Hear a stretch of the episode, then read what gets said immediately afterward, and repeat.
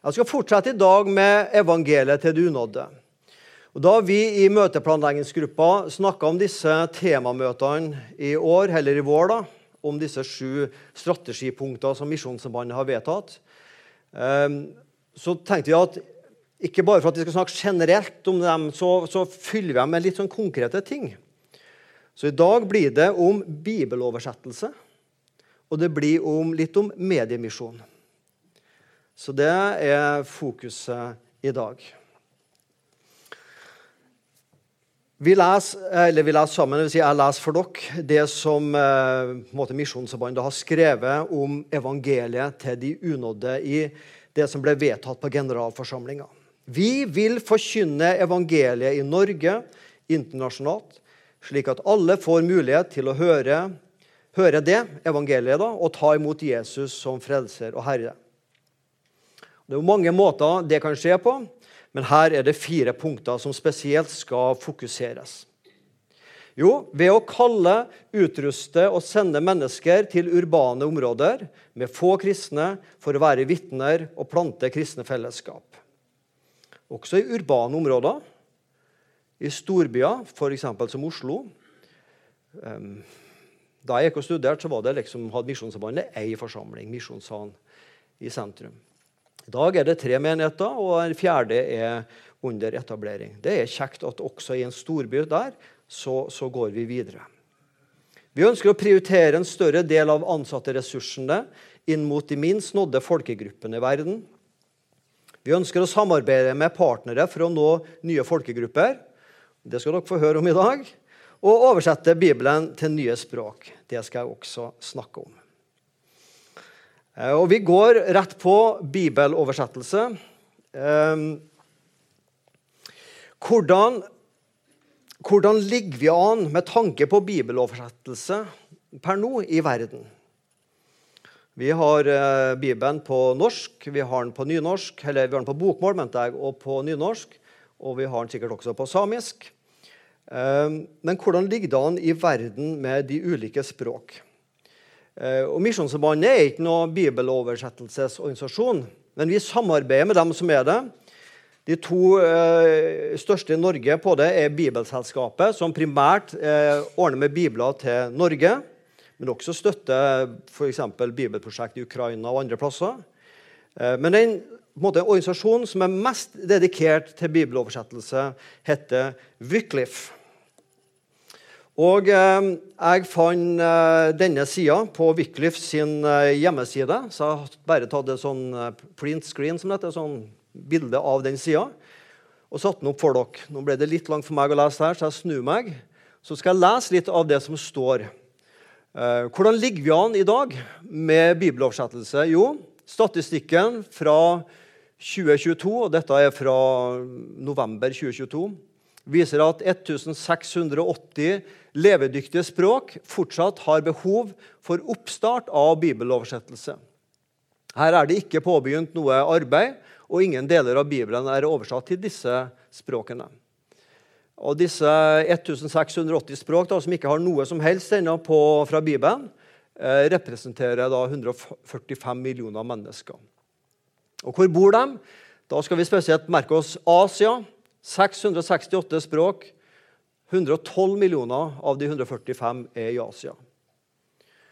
Og Det desidert mest unådde landet i verden i dag er India. De aller fleste eh, folkegruppene som ennå ikke har hørt evangeliet, bor faktisk i India. Så det er et veldig unådd land. Språk med pågående arbeid. I verden i dag finnes det ca. 7400 levende språk. Eh, pluss noe tegnspråk. Bibeloversettelse er påbegynt eller under arbeid på ca. 2800 språk i 157 land. Om få år vil alle språk i verden ha hele Bibelen eller deler av den på sitt språk. Det er altså innen rekkevidde at alle språk som ønsker Bibelen, har fått påbegynt oversettelsesarbeidet. Det syns jeg er gode nyheter. Og her da, Som er da fra 2022 november, global tilgang på Bibelen. Der er det 724 språk, som tilsvarer ca. 6 milliarder mennesker, har hele Bibelen tilgjengelig. Eh, I tillegg er det noen språk som bare har Nytestamentet, eller deler av Nytestamentet. Det kan være f.eks. at man um, skal prøve ut i et språk. I stedet for å sette i gang et svært arbeid, så tar man f.eks. Lukasevangeliet, oversetter det og prøver det ut. Hvordan fungerer det? Det er en vanlig måte å gjøre det på. Så ca. 3600 språk med minst noen skriftsteder. da. Og det er 97 av alle mennesker i verden. Da, da, tenker jeg fort, og kanskje du tenker at ja, men det er jo greit, for, for um, de rest, resterende kan jo bare søke opp det på Internett. da, og kan jo sikkert engelsk og sånn. Men faktisk 50 av verdens befolkning og det snakka Mons Gunnar om siste søndag, har ikke tilgang til Internett. Det som vi tar som en selvfølge. Så man er altså en digital analfabet. Selv om man kan jo lese, men man har ikke tilgang til det på den måten heller. Wycliffe syns jeg har en flott uh, ord, uh, ordtak, eller ordspråk, eller motto, heter det. Bibeloversettelse til alle morsmål og alle hjerter. Var ikke den god? Bibeloversettelse til alle morsmål og alle hjerter. Nå skal dere få møte et ektepar som har jobba i Wycliffe. Um, og de heter Ingjerd og Sigmund Evensen. Eh, for meg var de totalt ukjent fram til jeg var på Unglandsmøte ung landsmøte i Kongeparken eh, sommeren 2018. Og Da var de invitert til å fortelle på scenen, fra scenen om sitt livslange prosjekt. Det, det, det var veldig interessant. I 1979 så dro de til Pappa Ny-Guinea, ei øy nord for Australia. Og De kjente at Gud hadde kalt dem til å arbeide med bibeloversettelse. Og nå kommer det et språklig C-moment som jeg har øvd på. De fikk sitt arbeid blant umanakaina-folket. Skal vi si det sammen? Umanakaina-folket. En gang til. Umanakaina-folket. Nå sitter det. Det er altså en liten folkegruppe høyt oppe i fjellene. Og disse, Dette folkegruppa lever helt isolert i forhold til andre stammer, og de var uten eget skriftspråk. Målet for ekteparet Evensen det var å oversette Det nye testamentet. Ingjerd og Sigmund har mange ganger fått spørsmålet Hvorfor har dere brukt 20 år på et så lite folkeslag som Umanakaina-folket, som bare teller 2500 mennesker? 20 år på 2500 mennesker. Ja, Det er bare en bitte liten bydel i Sandnes. det er ikke sant? Og svaret er Gud har en egen matematikk, for Gud teller den ene. Gud har en egen matematikk. Han teller den ene. Det var det jeg husker de sa på Ung landsmøte i 2018. Uten ekteparet Evensen ville 2500 mennesker fra Papua Ny-Guinea og deres etterkommere vært uten bibelsåkornet med spirekraft til å vokse til tro på Jesus evig liv. Matteus 13, 31-32. Jesus framsatte en lignelse for dem og sa.: Himmelens rike er likt et sennepsfrø som en mann tok og sådde i åkeren sin. Det er mindre enn noe annet frø. Men når det vokser opp, er det større enn hagevekstene. Det blir til et tre, slik at fuglene under himmelen kommer og bygger rede i greinene. De er ikke lenger ute misjonærer der nå, de er pensjonister. Men de kan se tilbake på mange år der, og de sa vi så et folk bli forvandlet ved at de fikk Bibelen på sitt eget språk. Vi gav vårt sennepsfrø til Jesus. Det husker jeg de sa på dette møtet på UL. Og når de brukte 20 år på bibeloversettelse, så var det ett ord som de hadde spesielt problem med. Fordi at Umbana Kaina-folket har ikke et eget ord for tilgivelse. Hva skal vi Altså, det er jo et sentralt ord i Bibelen, da, tilgivelse. Men det var et ukjent ord for dette folkegruppa. Så de brukte faktisk seks år på å finne et godt ord for det. Og dessverre har jeg glemt hva det ordet gikk ut på. Men i et folk som i generasjoner hadde levd med hat og hevn og straff, så var nå bibelfrøet planta, og de hadde lært at Bibelen snakker om tilgivelse. De hadde erfart tilgivelsens kraft. Ja, et ektepar, 20 år, men nå er det et folk der som i generasjoner har fått sin egen bibel og kan bli kjent med tilgivelse og Jesus.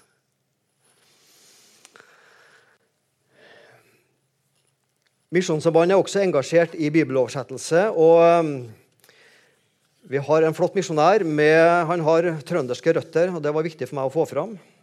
Han heter Roar Gjøkjell. Han bor i Kristiansand i dag. og Han er ansatt i Misjonssambandet, men utlånt til Wycliffe for å drive med bibeloversettelsesarbeid. Eh, og eh, igjen tilbake til podkast. Misjonssambandet har en egen podkast som heter Utsendt. Eh, den kan du søke opp. Og Jeg lytta til hele den episode seks der om bibeloversettelse. Den varer en og en halv time. Men den tida gikk fort, for dette var interessant. Og, og Roar snakker litt om, at, om å få Bibelen på hjertespråket på morsmålet. At et mål er at alle skal kunne lese Bibelen på hjertespråket sitt. Mange av de språkene som ennå ikke har Bibelen, snakkes av få mennesker. 145 millioner, så det er jo ikke mange. Men, og heldigvis, mange av disse som da eh, har disse minoritetsspråkene, har også et majoritetsspråk som Bibelen er oversatt til. Men la oss tenke oss at norsk var et sånn minoritetsspråk, og svensk var et majoritetsspråk. Vi, har jo skjønt, vi skjønner jo om vi leser Bibelen på svensk, men det er jo utrolig kjekt hvis den kunne vært på norsk også. Interessant, sant, dere?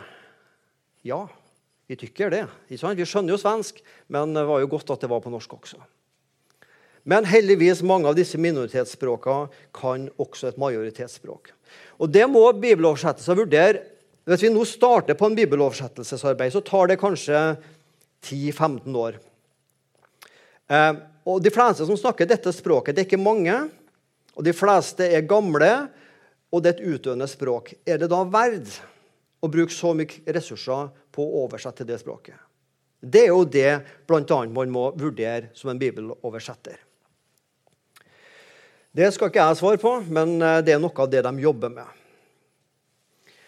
Og som jeg sa, Roar Gjøkjell han har vært eh, flere år i et av disse stanlandene.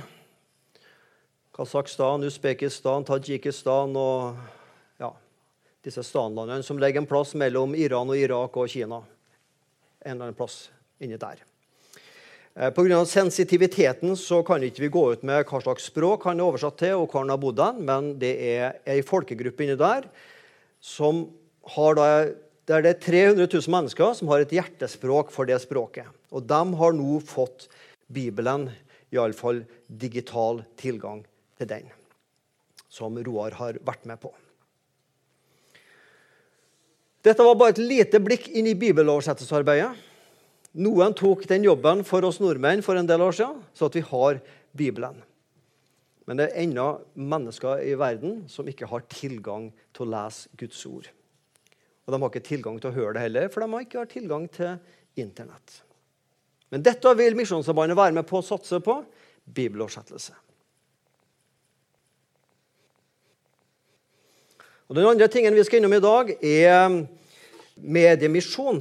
Og hvordan vi kan bruke medieduppedingser fant ikke noe bedre ord, eh, til å nå ut med evangeliet.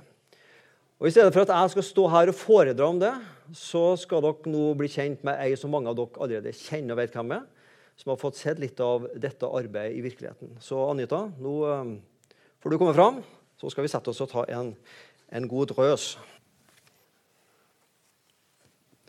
Du, dette, dette, var ikke en av spørsmålene, men jeg tenkte å snakke om bibeloversettelse. Du, du er jo for Jæren. Nå fins det ikke noe egen sånn jærsk bibel. Men jeg har tenkt det, hvis man skulle starte med å oversette f.eks. første Mosebok, Gud har skapt, hva som ville stått på jærsk Gud så på alt han hadde skapt, og det var gyselig godt. Ville det stått det?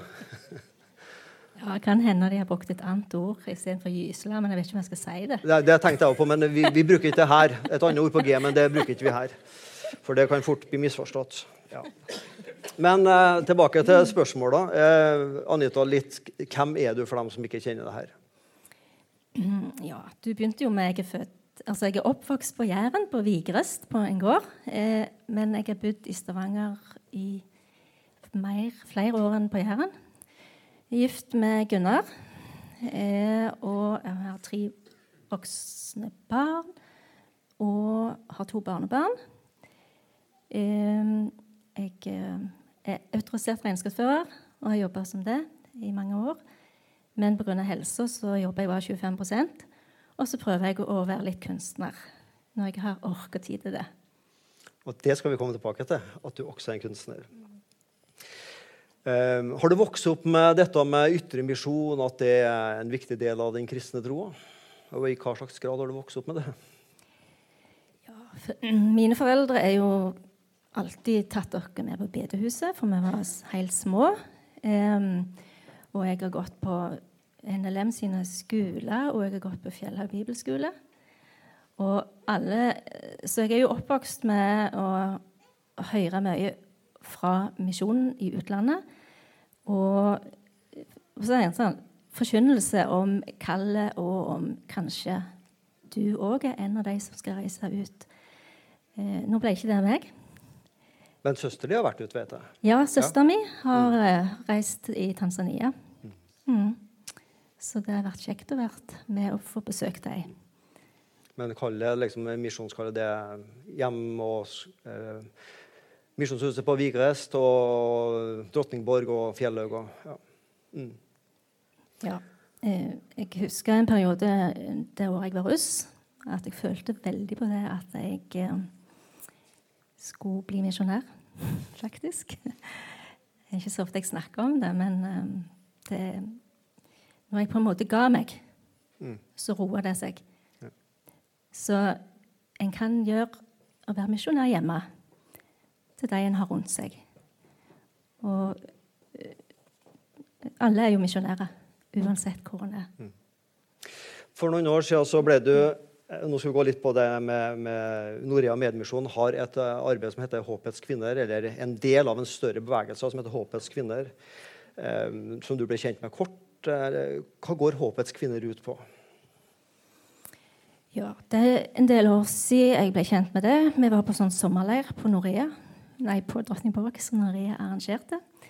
Det går, altså Håpets kvinner det er ett av prosjektene til Norea Mediemisjon. Det er de er med støtte økonomisk eh, en eh, prosjekt og landområde som en verdensomspennende organisasjon, opprinnelig amerikansk, som heter Hope of Hope of Women. Hope of Women, ja. Og da har Det gjelder Altså, de har en, en visjon om å hjelpe kvinner og mest unådde. Mm. Det er det som er deres visjon. Og de har i over 100 land. Og så har de en bønne, det er en bønnebevegelse. Og de har òg bønnekalendere så de sender rundt til over 100 land og over 120 språk. Mm. Og så er da dette eh, Dette ene prosjektet som jeg ble involvert i, det, het, det var jo du kommer gjerne til det. Nå kommer ja, jeg litt ut av det. det kan vi, kan jo bare, si litt vi kan bare gå rett på det. Ja, ja. Jeg kan bare si en liten ting først.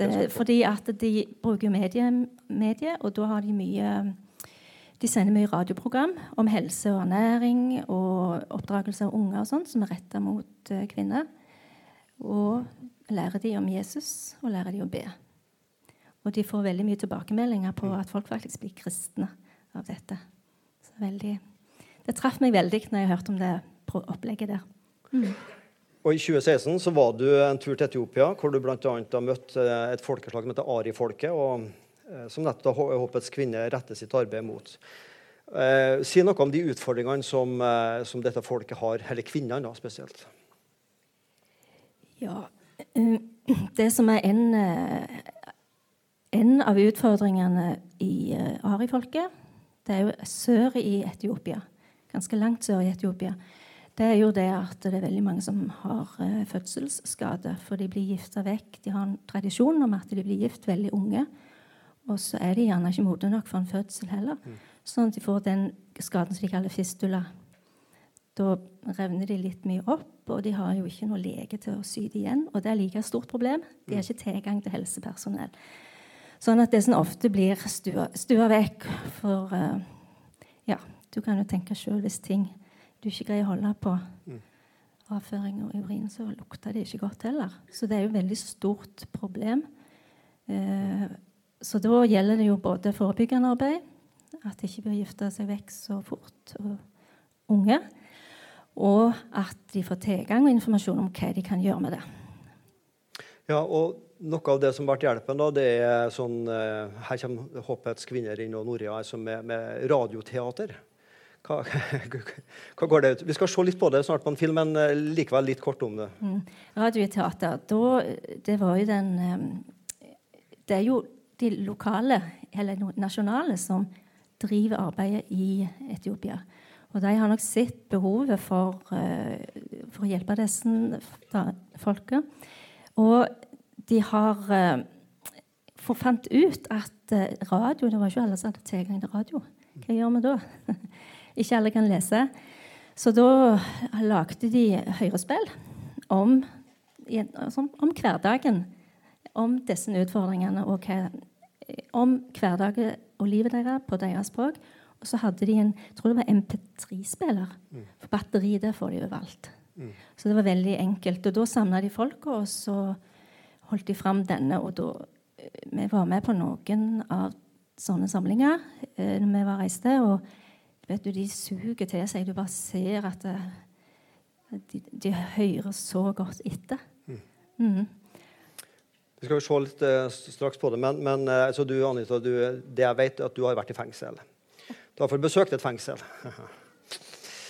Til og med i utlandet har jeg vært i fengsel. Ja. Kvinnefengsel i utlandet. Um, og Vi skal nå se en, da, en film, eh, bl.a. fra det fengselet. Eh, noe du vil si før vi snurrer film? Ja. Eh, vi skal se ifra eh, det eh, Jinka-området, der som Ari-folket bor, som jeg husker riktig. Eh, der var vi spesielt ei kirke, som det er en del klipp av her. Det kjenner de igjen med litt sånn turkise vegger. Veldig fin kirke. Ble veldig glad i den. Og så eh, skal vi se fra et par helsestasjoner vi var innom, og eh, fengsel der vi var. Det var en del klubb. Eh, det som jeg vil si om det, var jo For de fortalte at det var veldig spesielt. For første gangen de eh, Det var to eh, etiopere som besøkte fengselet. De hadde spurt om de fikk komme inn. For, eh, for der når, de, når noen blir satt i fengsel, så så er de avhengige av eh, familie og venner, eller familie spesielt, kanskje, til å komme med såpe og forskjellige sånne hygieneartikler. Og, og, klær og sånt. Eh, det var ikke alle som hadde noen som kom til dem. Så når de kom og besøkte dem sånn, helt uten at de kjente dem eller visste de hva de var, så hadde de Det var så spesielt, sa de, for de hadde, liksom, de hadde bare lagt seg ned på, på marka og og kunne ikke forstå at noen brydde seg om dem. Og i, det, og i det fengselet der så skjedde det veldig mye etter de kom. Eh, de fikk um, De fikk faktisk starte Slå opp en provisorisk kirke. Det er en presenninger. Det kjenner du òg igjen. Veldig sånn lilla og rosa vegger. Og der de samles. Mm. Og mange ble kristne. De lærte å be. De lærte seg å bry seg om de andre. De delte litt med seg og fikk omsorg for de rundt seg. Og mange, eller noen sa at når de kommer hjem fra fengselet, så skal de lære dem om Jesus og Bibelen. Du var eh, på denne turen sammen med Linda og Elisabeth, som du ser på bildet her også. Så nå eh, skal vi se litt fra den turen. Hei, jeg heter Anita. Jeg er kunstner og har vært engasjert i Norea Håpets kvinne i mange år. Jeg har vært med og solgt kunsten min for å hjelpe kvinner i mange land gjennom Norea. For noen år siden ble jeg med Norea til Etiopia for å se sjøl noe av det jeg hadde vært med på gjennom mitt engasjement. Norea hadde tatt initiativet til å skape en dramaserie for ei folkegruppe som heter Arifolket, helt sør i Etiopia. Det var store utfordringer med tidlig ekteskap og fødselsskade som var knytta til dette. Gjennom en dramaserie som underviste om dette og på en vennlig måte fortalte de om Guds kjærlighet, ønska de sjøl å bidra til en endring. Jeg var veldig spent på å se om det kunne stemme at noe så enkelt som radioteater kunne gjøre noe sånt. Vi besøkte fengsel, helsesenter, sykehus, kirke og menigheter for å treffe kvinner. Og menn som hadde lytta til serien i lengre tid. Siden dramaserien handler om deres eget miljø og på eget språk, så var det enkelt for dem å bli engasjerte og forstå hva det dreide seg om. Det er ikke enkelt å ta opp sånne emner, og det er tabu å snakke om. Men nå fikk de et redskap til å sette ord på vanskelige ting. Og en styrke de sammen til å skape en endring. Alle plasser hvor vi var, så fortalte de det samme. Programmet hadde forandret dem. Noen fortalte at de nå hadde bestemt seg for å ikke gifte vekk døtrene sine så tidlig. Og andre unge menn fortalte at de hadde innsett at det å ha flere koner ikke var bra, og at de ikke ville gjøre det samme som sine fedre. Mange fortalte at serien rett og slett hadde lært dem å elske hverandre. Andre fortalte at de hadde sett at Gud elsket dem. Jeg er så glad for å høre at Norea nå, sammen med den lokale partneren i Etiopia, Evangeliets røst, ønsker å ta dette konseptet videre med å bruke dramaserier for å sette fokus på omskjæring, polygami og tidlige ekteskap. Jeg har sjøl sett at det fungerer, og jeg gleder meg sånn til å se hvordan Gud vil jobbe gjennom dette arbeidet til enda en ny folkegruppe i Etiopia.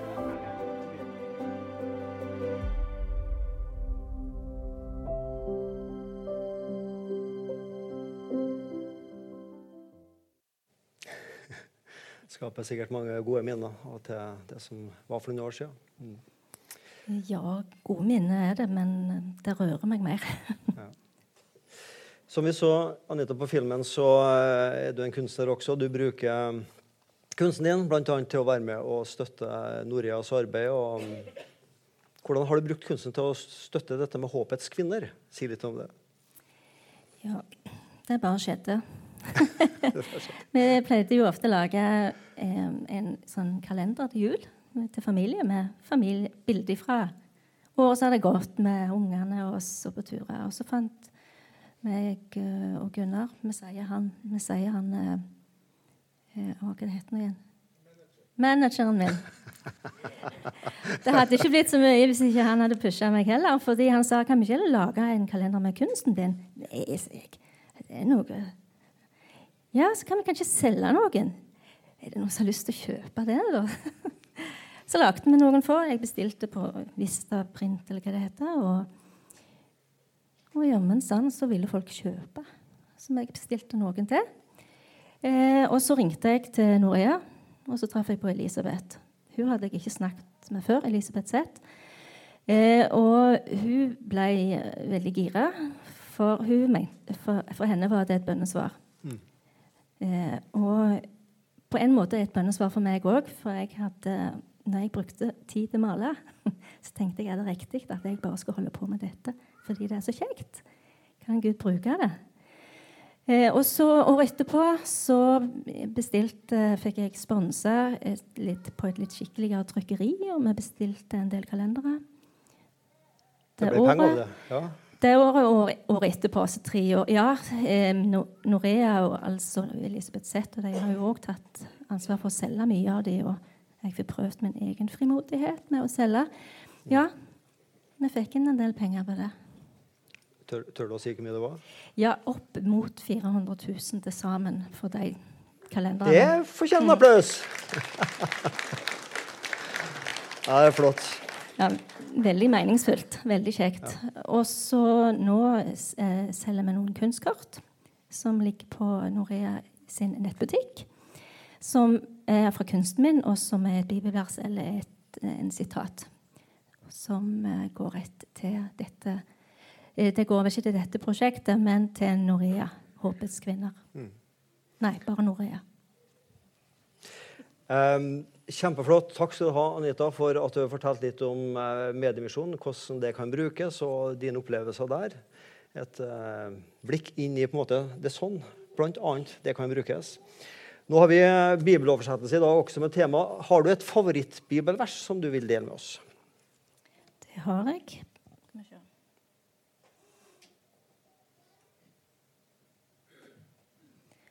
Jeg har hatt et favorittbibelvers helt siden jeg gikk på Fjellhaug på bibelskolen.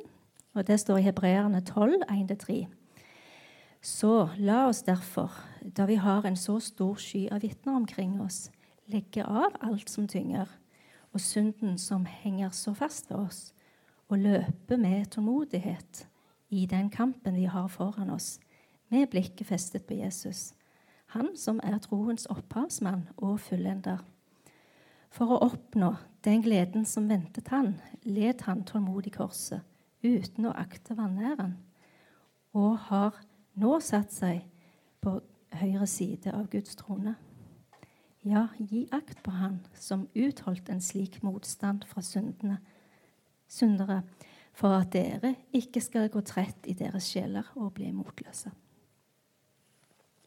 med blikket festet på troens opphavsmann fullender. Og nå skal vi avslutte eh, talen med at vi skal henvende oss til Jesus. Um, og vi skal be. Eh, Anita vil starte med å be for Håpets kvinners arbeid. Uh, og når du har gjort det, så skal jeg, da får vi også opp etterpå da, et bilde av de kontaktmisjonærene vi har i misjonssalen. Så skal jeg be for dem. Så um, vi bruker en liten tid nå på å be for Håpets kvinners arbeid og våre kontaktmisjonærer. Kjære Gud, eh, takk for at du er kommet for alle. Takk at vi som har kjent kallet for deg, kan kjenne på det at vi må jobbe oss videre og ber om at du må gi oss frimodighet til å fortsette å være et vitne og fortelle om deg både til naboer og de rundt oss, og til de minst unådde. Kjære Jesus, eh, takk for at det fins radio hvor dette kan gjøres på. Og takk for at Håpets kvinner har vært med å peke på deg, at folk kan bli kjent med deg, og at du kan lindre en del av deres smerte med å få informasjon om helse og ting som de ikke har lært sjøl. Takk, Jesus, for at uh, vi kan få lov å være stolte over det du har gjort. Takk at det er du som har lagt det ned i oss. Og så ber jeg for alle de som er med i dette arbeidet rundt i alle de forskjellige land. Og takker deg for den bønnekalenderen som de sender ut hver eneste måned. Takk for det du har gjort for oss, Jesus. Jesus, vi ber deg, og vi takker for de kontaktmisjonærene vi misjonsene misjonssalen har. De som eh, vi ser her. Vi takker for eh, Hanne Marie Træn, som er i Nord-Afrika sammen med Jenny Jostein og Lina Haugen, som også er i samme område. Du ser de står i et eh, arbeid vi ikke kan skrive så mye om og være detaljert om, fordi det er et veldig sensitivt arbeid. Eh, takk for at du må beskytte dem, her, Jesus, og det vet jeg du gjør. Vi takker og vi ber deg for Marian og Lidvar og barna som er i, i Asia, som også står i et arbeid som vi, vi kan bli for detaljert om pga. sikkerhet og sånn. Men eh, du må legge dine beskyttende hender rundt dem, og det vet vi du gjør, Gud, og passe på dem. Og bruke dem sånn at det kan være eh, blant det folkeslaget de jobber blant, så kan det være noen som oppdager at du Jesus er verdens frelser, og ikke bare en stor profet. Vi takker for Marit og Leif, som er i Kenya, som jobber blant dette folket som S-folket Jesus, som er veldig vanskelig å nå inn til. Eh, Takk for eh, den trofastheten Marit og Leif har vist gjennom flere tiår. Og nå er de helt på oppløpssida i sin tjeneste på denne måten. må du være med dem de siste månedene. Herre Jesus, er ute. Beskytte dem og bevare dem. Og Solveig og Leif Ørjan og barna, som er utsendt fra andre enn oss, men vi vil gjerne være med å løfte dem fram og be for dem også. Som er i et land i Midtøsten som vi heller ikke kan skrive og snakke for mye konkret om. Men der de vil nå inn til arabisktalende folk som kjenner deg kun Jesus som en stor profet. Men at de må få se at du er Guds sønn og verdens frelser. Vi takker deg for alle disse som er villige å reise ut. Eh, og forlate det trygge, gode, kanskje her i Norge. Og ta noe risiko om å reise ut. Men takk for at de våga det og ville det. Og at de skal få kjenne og vite at det er et misjonsfolk her i Norge som er med og støtter dem. I Jesu navn. Amen.